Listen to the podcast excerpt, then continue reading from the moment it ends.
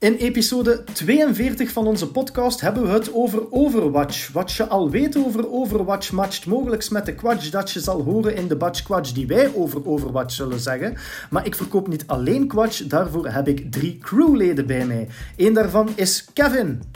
Watch. Eén daarvan is Laszlo. Eén daarvan is Aaron. Watch, watch, watch, watch, watch.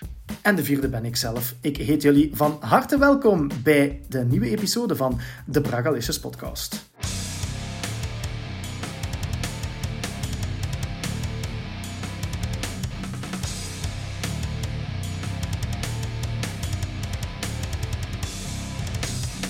Maar vooraleer dat we aan ons groot Overwatch-hoofdstuk beginnen, hebben we natuurlijk, zoals altijd, de aperitiefjes. Kevin, jij brengt meteen snelheid in deze aflevering. Het zal wel zijn, uh, want uh, we hebben allemaal een beetje een need for speed en uh, ook een favoriete need for speed, maar dat is misschien een andere discussie.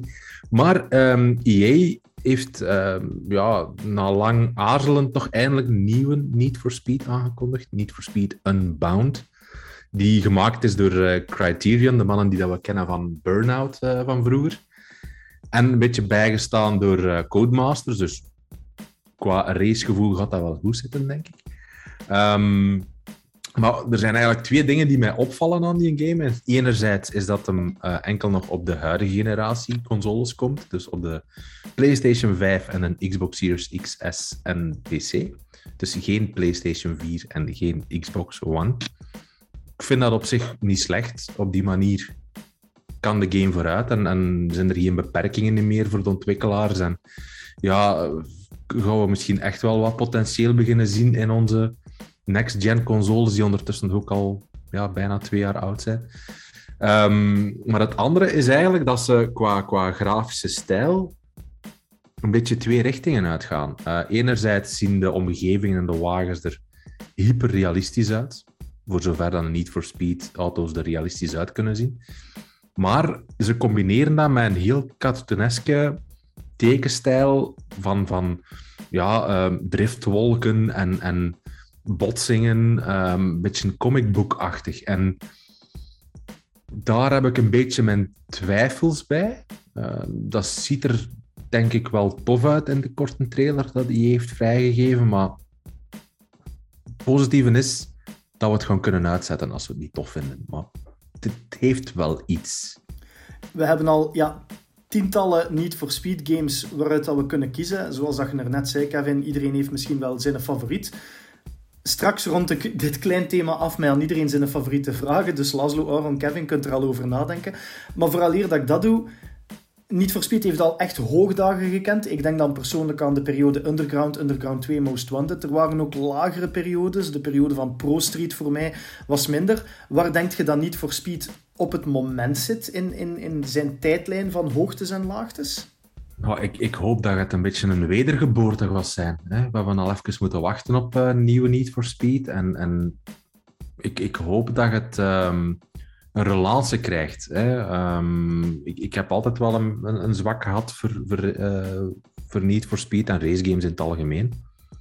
Maar Need for Speed, ik vond zo de laatste edities gingen te veel echt erover. Hè? Qua, qua tuning en qua yo-yo-yo gedoe en, en wat is dat allemaal. Ik, ik, ja, dat, dat, dat, is niks voor mij. Maar in deze, goh, ik, ik, hoop, ik hoop oprecht dat, het, uh, dat EA en Criterion die een, een, een goede Need for Speed mee afleveren. Heat, Heat, was toch de laatste, hè? of ben ik ik fout? Ja, wel, ik vond Heat wel goed. Hè? Oh, ja, ik vond Heat yo, ja, die snap ik misschien wel een beetje, maar... Maar dat, dat is die van ervoor. De, de Heat inderdaad was... Um... De reboot ja, vond dat, ik minder. Echt gewoon de Need for Speed. Hmm. Die reboot vond ik wel minder. Maar ik zei dat ik het ging vragen. Laszlo, ene naam, de beste Need for Speed ever, is... Underground 2. Aaron, ene naam... Hot Pursuit. Kevin, ene naam? Hot Pursuit, absoluut. Dan is dat de winnaar, want ik ga hem niet zeggen. Ik zeg Underground 1, de original. Ah, maar gewoon de Underground reeks. Ja. Die waren gewoon... niet slecht, man. Yo, yo, yo moet niet, maar die pam, pam, pam intro, dat moet, dat moet wel. Van twijfels of dat de volgende niet voor Speed goed wordt, naar twijfels of dat de volgende film met een Italiaanse loodgieter in de hoofdrol goed wordt. Aaron, daarover gaat uw stuk. Ja, ik heb, uh, we hebben onlangs de, ja, de eerste trailer eigenlijk van de Super Mario film kunnen bekijken. En voorgaande van, ja, toen het nieuws bekend werd dat er een film rond Mario Bros, een animatiefilm wel te verstaan ging komen, was er al wederom heel veel commotie rond het stemmenwerk van Mario. Want ja, het grotendeels van de mensen wilden eigenlijk de originele stemacteur ge gebruiken voor de film. Maar ik moet eerlijk toegeven dat ik er wel heel blij om ben dat dat niet gebeurt. Het is heel leuk voor in het spel de originele stemmenmeester van Mario te hebben. Mhm. Maar ik denk als je 90 minuten of het hem langer moet sturen, de film, naar zo'n stemmetje moet gaan beginnen luisteren, dan denk ik dat er veel zelfmoordzaken in de cinema gaan gebeuren. Uh, ik heb de trailer dan ook, want normaal gezien kijk ik niet echt veel trailers meer, maar met Mario Bros dat gaat nog niet echt een probleem zijn. Ik heb de trailer dan ook bekeken en Jack Black als Bowser vond ik in het begin een beetje moeilijk te herkennen, mhm. maar het gaat dan wel af. Maar ik moet wel zeggen, oké, het zijn maar denk ik twee zinnen dat er in de trailer worden gezegd, maar het staat me wel aan, Chris Pratt als Mario Bros. Ik weet niet hoe de rest van de... Van dat hij niet zo klonk als Chris Pratt. Allee, dat, dat was mijn eerste vibe zo. Het, was zo wat een Italiaanse New Yorker Chris Pratt. Zo. Ja, ja. dus dat was een Italiaanse tint in het accent. Ik vond het ook. Ja. Maar ik, ik, ik, allee, ik snap absoluut geen dat je zegt, uh, Aaron, want als je het 90 minuten naar Charles Martinet moet luisteren als uh, It's me, Mario, dan, oh, dan, dan gaat een zenuwinzinking krijgen. It's dus. me, out of here. Ja, voilà. Dus ik, ik, ik snap het absoluut. En Goh, ik denk dat dat vooral ook weer te maken met iedereen op, op voorhand, want de, de, discussie was al losgebarsten voordat er nog maar één woord was uh, gelekt of uitge, uitgesproken door Chris Pratt als Mario. Dus ja, dat vind ik dan ook wel een beetje discutabel, maar ja, ik, ik, ik, ik vind het ook wel oké. Ik denk uh, dat, dat we er wel mee gaan kunnen leven. Aaron, het is een beetje een throwback naar de vorige podcast. Maar denkt jij niet, en ja, hij is hier niet, dus je moet voor hem ook spreken. Maar denkt je niet dat Praga en jij meer tevreden zouden zijn mocht Pedro Pascal Mario spelen? Ik heb wel Praga, dat betwijfel ik. Maar, ik moet ook wel even, toegeven, ik moet ook wel even uh, nog uh, toevoegen dat het er ook wel ongelooflijk graaf uitziet, vind ik. Qua ja, visuals. Absoluut. Ja. Want ik heb nog de trailer van de Mario plus Rabbits uh, bekeken, de launch trailer. En want ik dacht ook zo in het begin, oh, trek, trek toch wel echt wel op het spel. Maar eigenlijk, als je de beelden dan ziet van de trailer van de Mario plus Rabbids nieuwe game dat binnenkort komt, dan zit er toch wel immens veel verschil op, vind ik. Dus het, mhm. is echt wel, het ziet er echt wel een knappe animatiefilm uit van Mario Bros. Kijk er wel naar uit eigenlijk. Bij Chris Pratt zijn er nog wat vragen, maar inderdaad, ik was ook aangenaam verrast. Over Jack Black waren de mensen enorm positief. En wat dat een beetje onder de radar is gevlogen, wat ik op zich jammer vind, is dat Keegan-Michael Key de voice van Toad inspreekt, van het komisch duo Key en Peel. Wat ik ook wel, ik vond dat dat er heel leuk uitklonk. En ook zo de juiste lijn tussen niet even ja, snertsend, schertsend als in de game, want je moet het inderdaad wel kunnen uithouden. Hetzelfde ja, bij Mario, de comments zijn dan ook vaak van ja, hij klinkt gewoon als een random dude. Maar inderdaad, ja, een uur en een half, twee uur, moet dat misschien niet te over de top zijn? Nee, en ik, ik, ik heb al wat, wat geruchten en, en ja, uh, ja, dingen gehoord over het, het, het mogelijke verhaal. Want over het verhaal weten we eigenlijk nog niks na die trailer. En volgens geruchten, theorieën zou het gaan dat effectief de, de real life Chris Pratt, mijn snor, in het Mushroom Kingdom terechtkomt op een of andere manier. En dat is dan eigenlijk het punt dat je hem ziet vallen en dacht van, waar ben ik hier? Hmm. Dus dat er eigenlijk een, dat start met een live action en dat het dan animatie wordt, zou een van de theorieën kunnen zijn dat van uh, de trailer. Met Enchanted is hebben gedaan, maar omgedraaid was dat zeker. Van tekenfilm naar live action, denk ik dat zo was. Dat kan, ja, dat, die heb ik niet gezien. Maar vind het wel fascinerend, omdat we dan misschien voor ene keer ook terug de, de, real-life Mario gaan zien, zoals in de film van de jaren 80, waar dat iedereen ja, dat ondertussen cool en, en cult vindt, maar dat was ook geen echte Mario. Hè. Die klapte ook niet gelijk Mario. Hè. Allee, ja, weet je, dus allee, die, die, die, dat, dat punt van het moet klinken like Mario, dat is bullshit. Uh, want ja, de originele film was verre van Mario en Bowser en Luigi. Verschrikkelijk was die.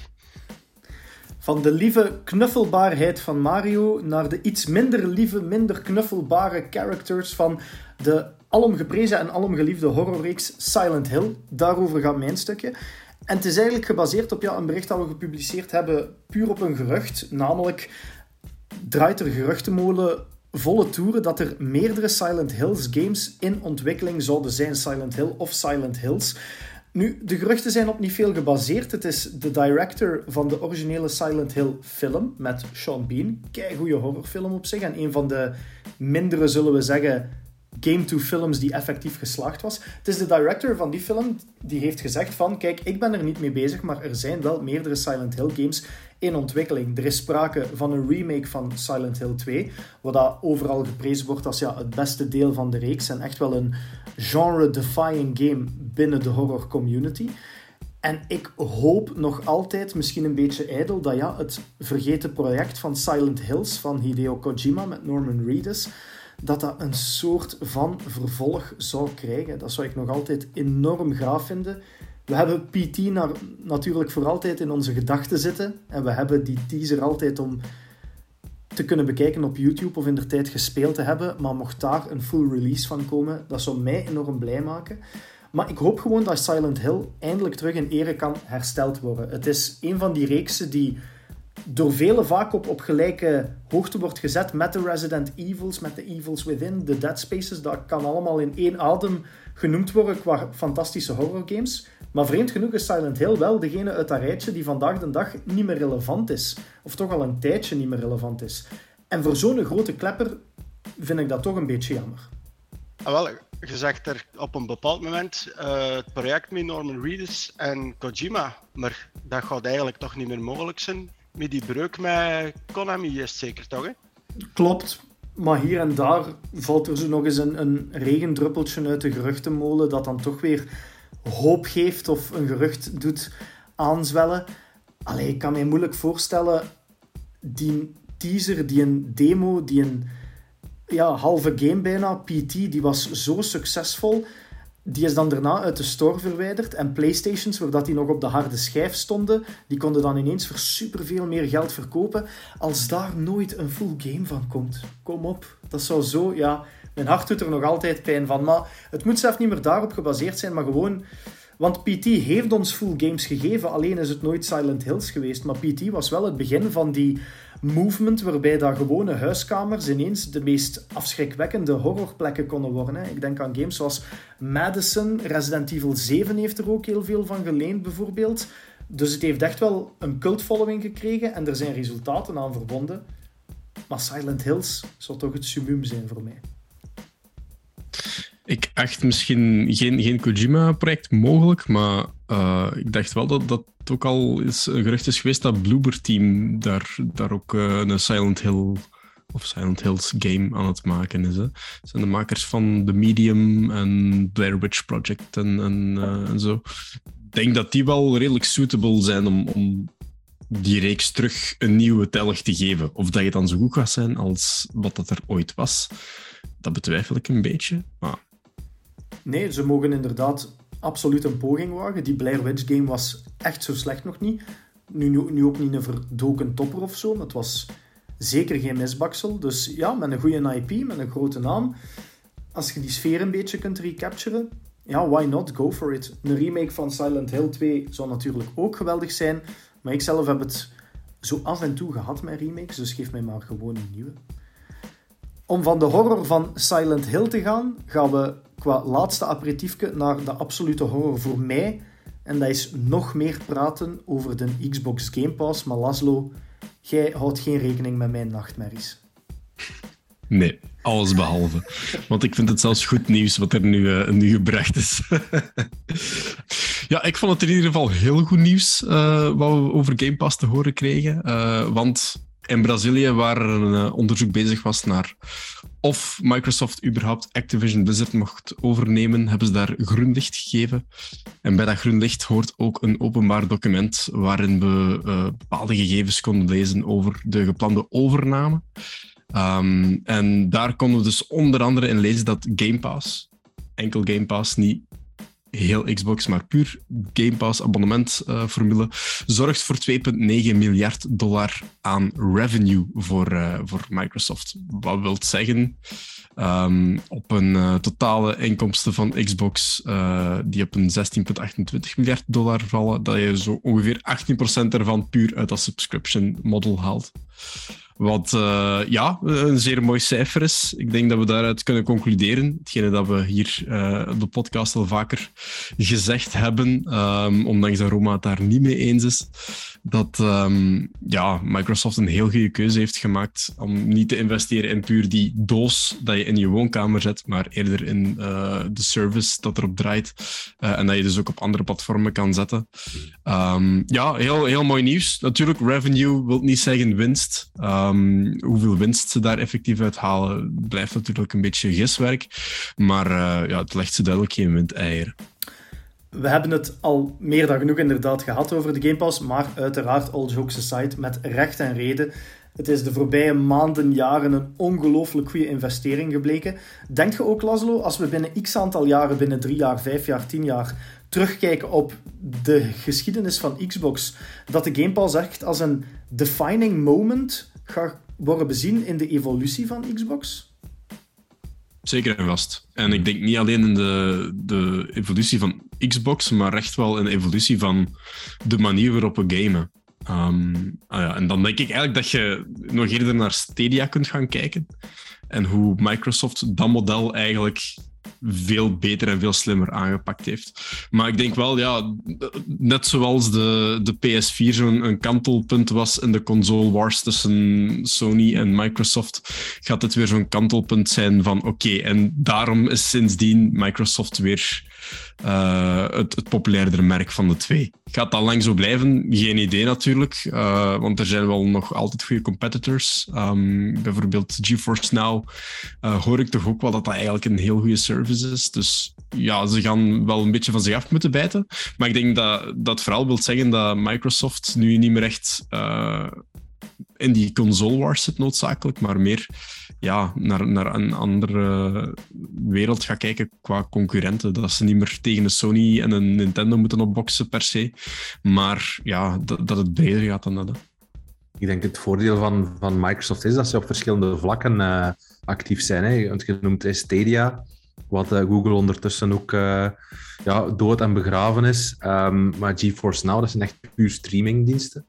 Dat, dat biedt Microsoft ook aan met een xCloud, uh, of cloud gaming, hoe dat ze het nu noemen. Maar je, je, hebt ook dat het effectief dat je het op je console of op je PC kunt gaan downloaden. Want het zijn eigenlijk twee ja, vormen van, van, van de abonnement. Dat denk ik gewoon heel interessant is. Want uh, ik heb hier ook al cloud gaming geprobeerd op mijn, op mijn Xbox. En dat, ik, ik, ik voel dat nog niet echt. Ik, ik voel die vertraging voor een of andere reden. Mhm. En daarom denk ik dat, dat die services het op dit moment nog wat moeilijk hebben en er nog wat te vroeg zijn, denk ik.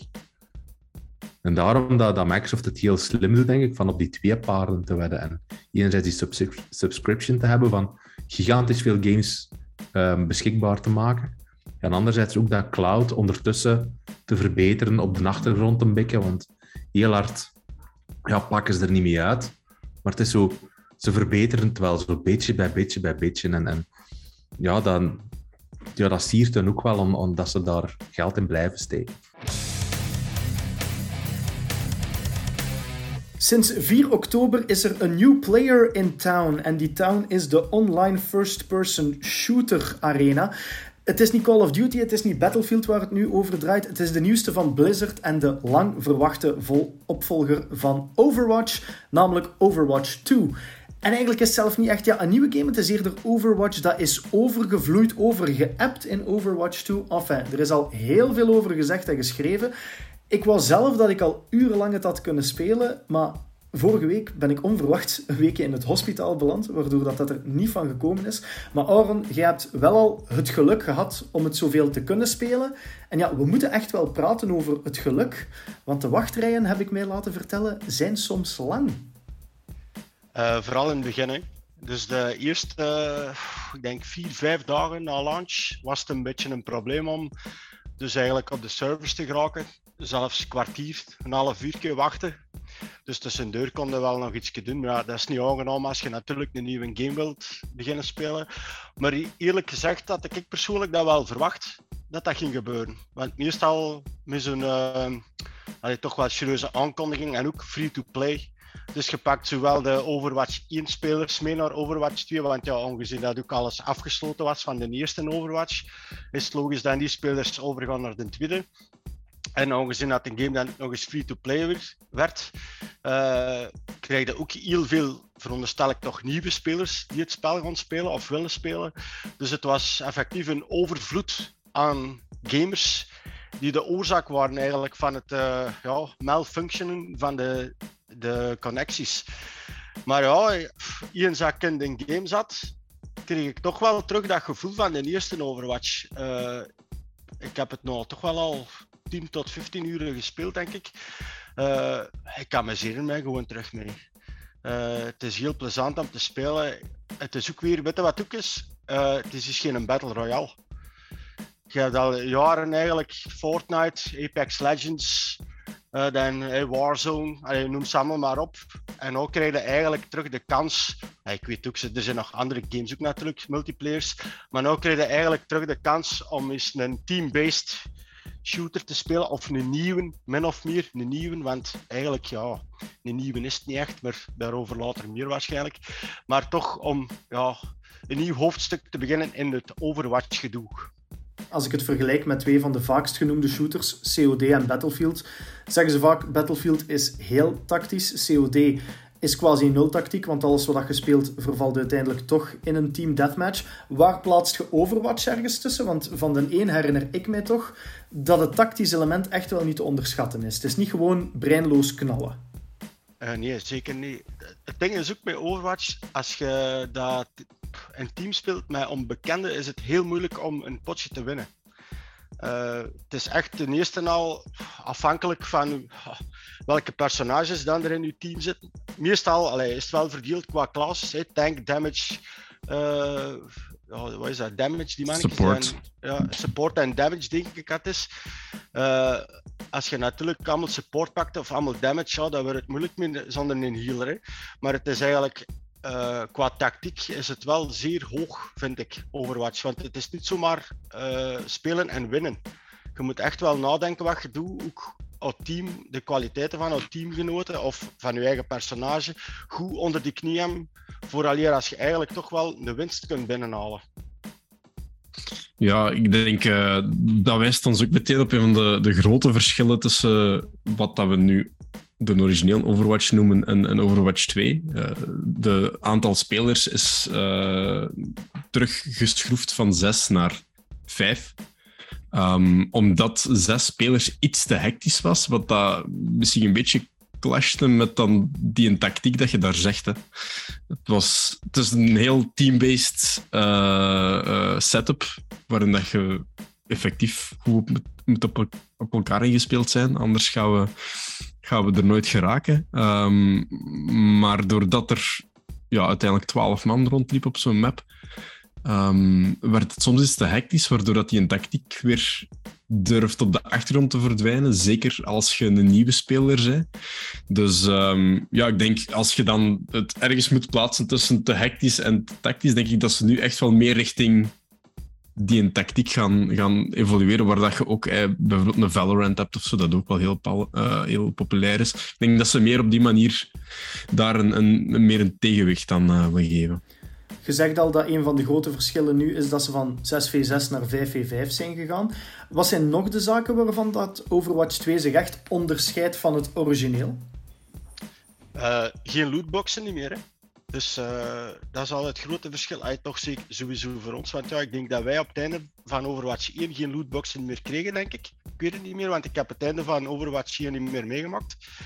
Uh, er is ja, het systeem is wel gekend ondertussen. Bij bijna elke multiplayer game, de Battle Pass is het er ook weer in nu. Dat was in de eerste ook niet. Ehm, maar voor de rest, qua gameplay en, en, en ja, is er eigenlijk, totdat ik het hier heb gezien, niet echt een verschil op te merken. Praga heeft ook eens in een review uh, geschreven. Uh, als je echt een, een zware Overwatch 1-speler bent geweest, of toch tamelijk wat uren erin hebt gestoken en schakelt over naar Overwatch 2 en je zegt het niet, denk ik aan de meesten nog denken dat ze Overwatch 1 aan het spelen zijn. Ja, dus, ja, Er, zit, er zit ook wel een nieuwe spelmodus in, een, een, een nieuwe hero, maar ja, effectief gaat dat ook in een update kunnen steken voor, uh, ja, voor de eerste Overwatch. Uh, ik denk het grootste verschil, dat, dat, is nog niet gezegd geweest, denk ik, is dat het nu gratis is. Hè? Ja, de 1 was een full-priced game, de 2 is gratis, met effectief het idee van die Battle Pass gaat ons wel boven water houden. Um, en dan effectief het, het, verdwijnen van de lootboxes in plaats van, van dat Battle Pass geven. Dat vind ik misschien een, een goede follow-up vraag daarvoor. Is, um, heb je dan liever lootboxes of liever een Battle Pass? In principe, als ik mag kiezen, dan heb ik liever lootboxen. Maar als je nu eigenlijk verplicht zit om telkens de Battle Pass te kopen, om skins en dergelijke te unlocken. En als je het spel kocht voor, ik zal dan zeggen, 50 euro of 60 euro misschien, ja, en je speelde, dan had je altijd kans op gratis uh, content. En nu moet je eigenlijk maandelijks 10 euro betalen, want in de Battle Pass zit ook, lekker, lekker als in uh, multiverses, geen mogelijkheid om uh, currency te verdienen zodat je de volgende keer een gratis Battle Pass kunt kopen of vrijspelen. Dat in het geval met Fortnite, ja, als je een Battle Pass één keer koopt, kun je zolang je Fortnite speelt en je al alle keren naar een Battle Pass op level 100, en je alle keren voor, het volgende, voor de volgende periode terug een Battle Pass. En ik vind dat toch een beetje raar is dat ook weer het systeem dat ze met multiverses misschien hebben gedaan en ze ervan uitgaan van ja, als je wat speelt, verzamel de coins en met die coins kunnen nu de personages kopen. En nou met uh, Overwatch 2 heb je eigenlijk ook dat principe uh, als je een aantal games speelt, like die Kiriko, hè, die unlockte, als je een Battle Pass koopt, dan unlock je die met x aantal skins, denk ik het was, erbij. Maar als je level 55 wordt of 55 games speelt, ik wil er nou van af zijn, dan uh, unlockte die ook die een character. Dus... Het is een van de sterktes van Overwatch geweest, toch van het origineel en ook nu van de twee, denk ik, dat zo'n kleurrijke shooter is, die heel intense actie brengt, maar toch ja, op een, ik wil niet zeggen kinderlijke manier, maar op een heel leuke, cartoony, uptempo, positieve vibe. Het is wat, dat Apex Legends ook een beetje deed, misschien zelf nog meer dan dat. En ja, de characters die allemaal zo uniek zijn. Je kunt echt twee teams hebben die met volledig verschillende vaardigheden, een compleet andere skillset en approach tegen elkaar vechten. Het klopt wel dat in Overwatch, misschien meer dan in andere shooters van hetzelfde genre, dat elk matchje meer uniek kan zijn door gewoon de setup van twee teams die je tegen elkaar krijgt. Het is niet gelijk in COD gewoon wat operators die allemaal dezelfde geweren hebben. Ja, dat klopt volledig. Hè, ja. Je hebt dat met dingen ook, vond ik. Met Rainbow Six Siege heb je dat ook. Mm Alleen met Overwatch is dat nog wel duidelijker, vind ik. Want met Rainbow Six heb je ook wel soms potjes gehad. Als je bijvoorbeeld nog als enigste overbleef tegenover bijvoorbeeld twee of drie tegenstanders, dat je wel nog de kans had om die af te maken. En met Overwatch, dat vergeet hem maar, dat lukt echt niet. Dat lukt echt niet. Siege is een mooie vergelijking. Die was, die was mezelf even ontsnapt op het moment.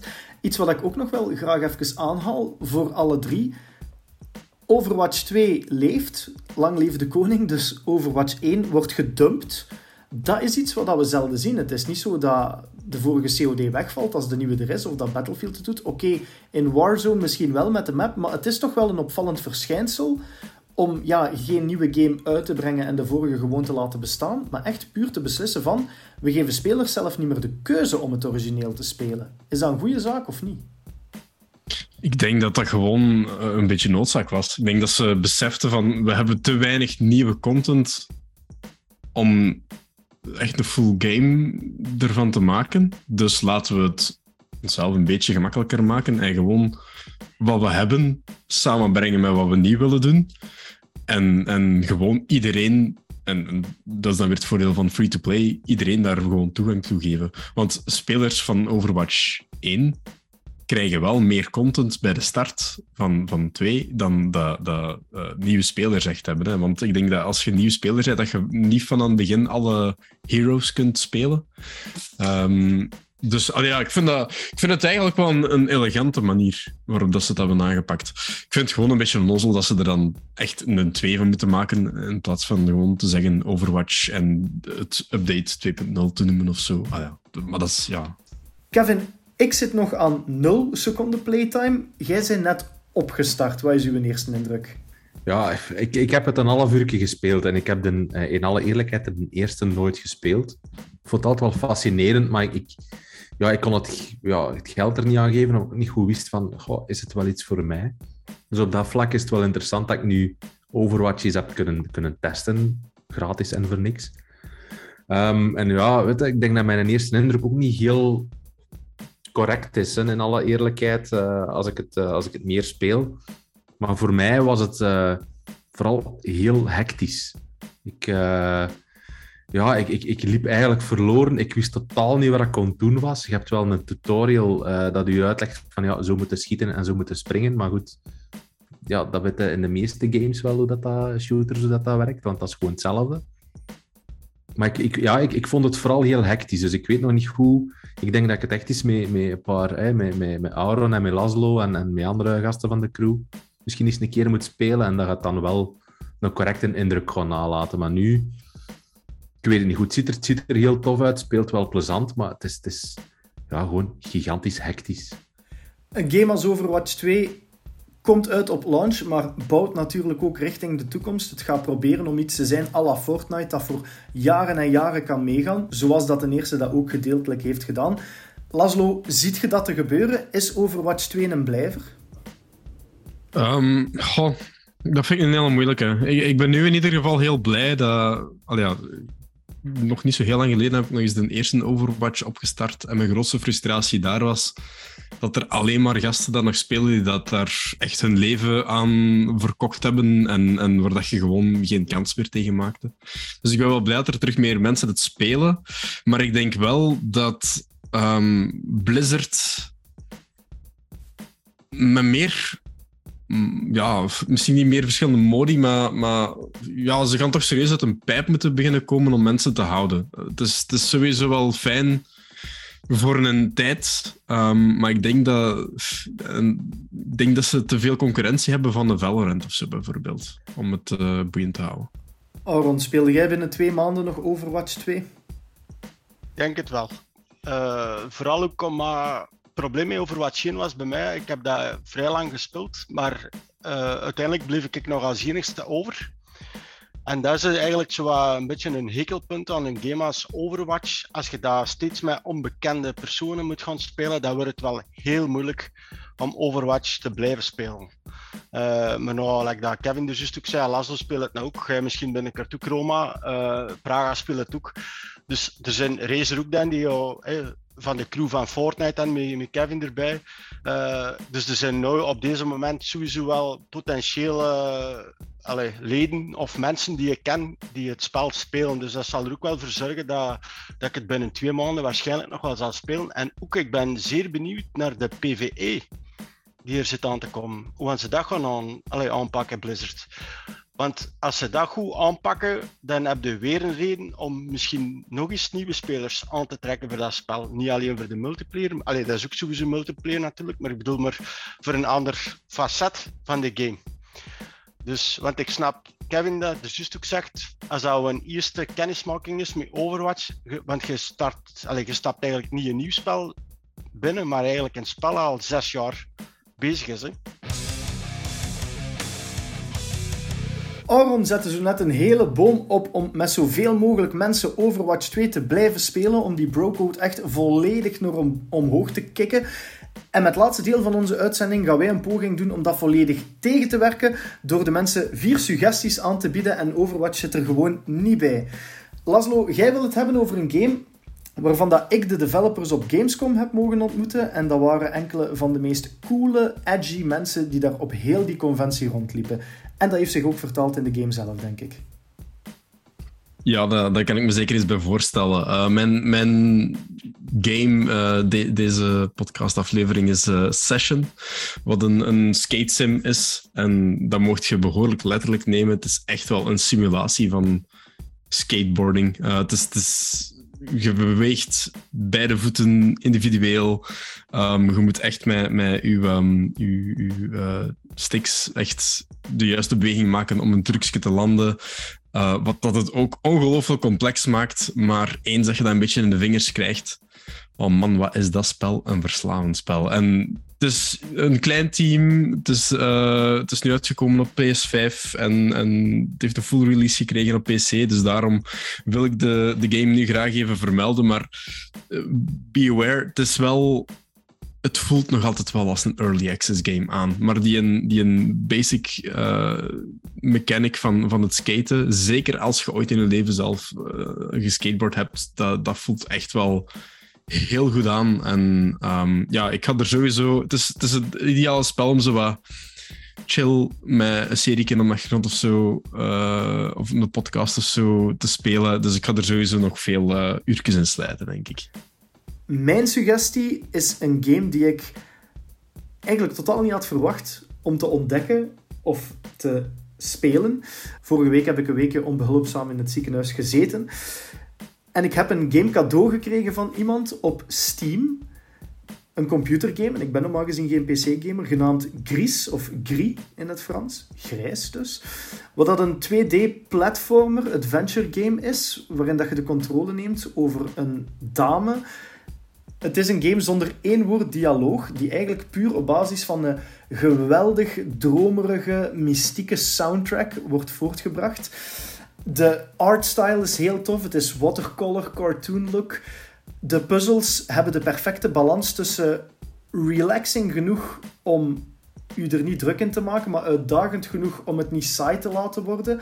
En het is echt gewoon, het spel is een vibe. Ik heb me er in het ziekenhuis, het heeft me echt urenlang uh, kunnen entertainen, wat dan natuurlijk heel tof is in zo'n drullerige setting. En ja, zoals ik zeg, zonder enige vorm van dialoog te hebben, kaart toch zware zaken aan of zware situaties. Het, de game is eigenlijk wat je ervan maakt. En voor mij is het een verdoken pareltje.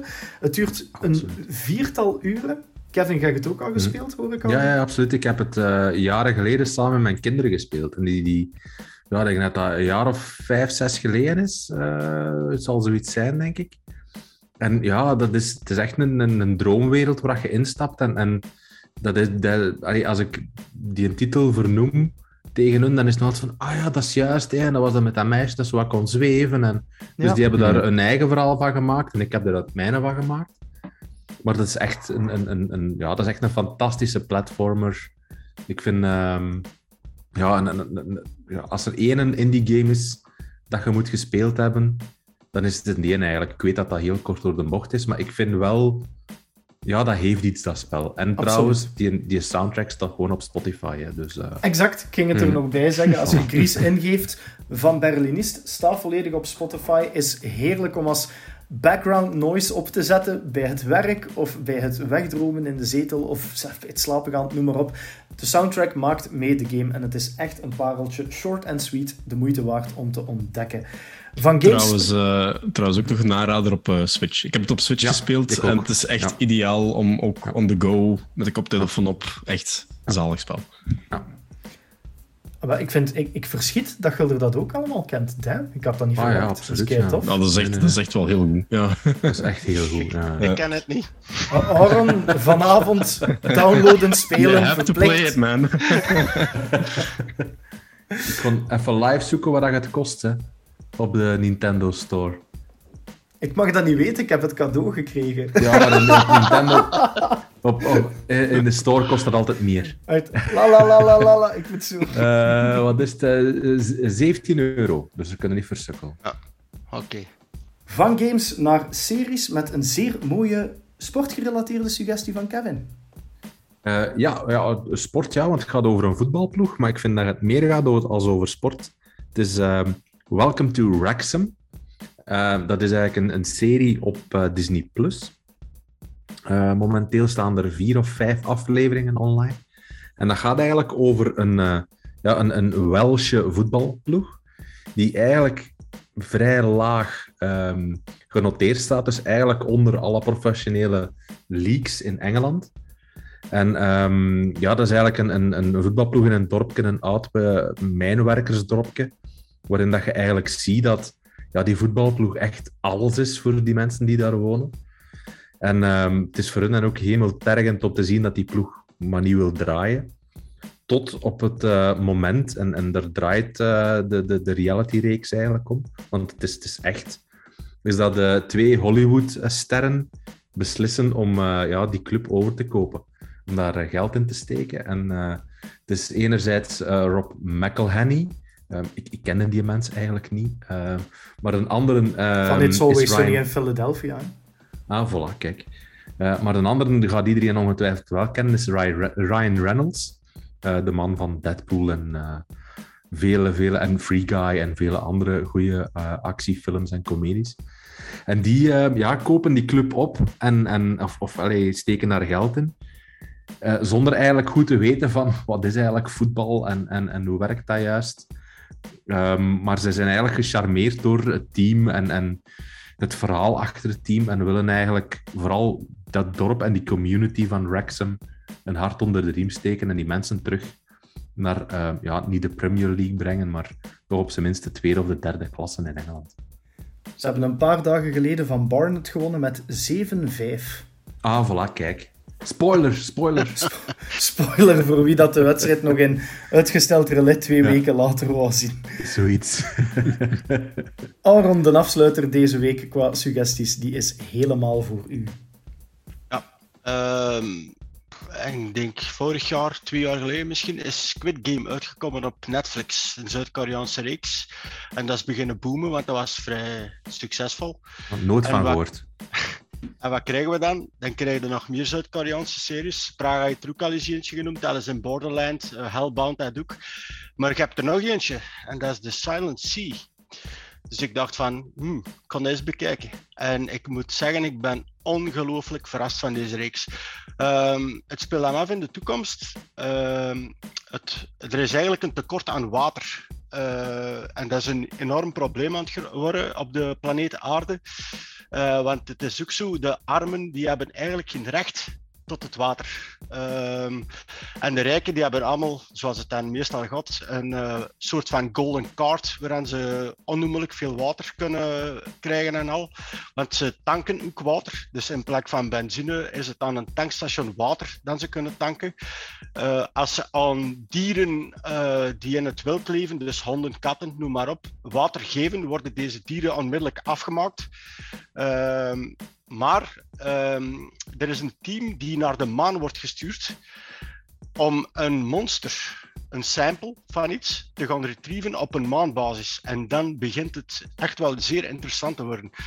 Uh, want vanaf eigenlijk dat ze opgestegen zijn naar die maanbasis, begint het allemaal wat mis te lopen. Uh, het is niet echt een spoiler, want dat gebeurt al direct in aflevering 1, maar ze crashen eigenlijk op de maan met hun uh, toestel. En ze, hebben, ze zijn eigenlijk 7,5 kilometer verwijderd van die maanbasis. Dus ze, komen er, uh, ze moeten er naartoe voor die samples te gaan halen, want dat is eigenlijk wel hun hoofddoel. Maar vijf jaar geleden is op diezelfde maanbasis uh, een eel-team uh, dood gevonden. Allee, dood. Die zijn er dood gegaan op die maanbasis. Maar niemand weet waarom of hoe of wat.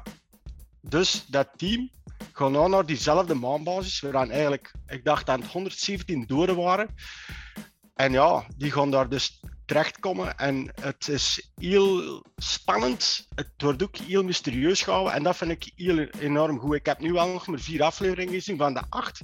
Maar je hebt totaal geen idee wat er eigenlijk allemaal aan het gebeuren is op die maanbasis. Maar is, het zit echt goed in, want het wordt echt spannend gehouden. Een watertekort in de toekomst, daar kunnen we nog mee leven, zolang dat er maar geen games tekort is en geen podcast tekort. Dat is er gelukkig met deze episode weer een pakje minder. En binnen twee weken doen we dat gewoon nog eens volledig over.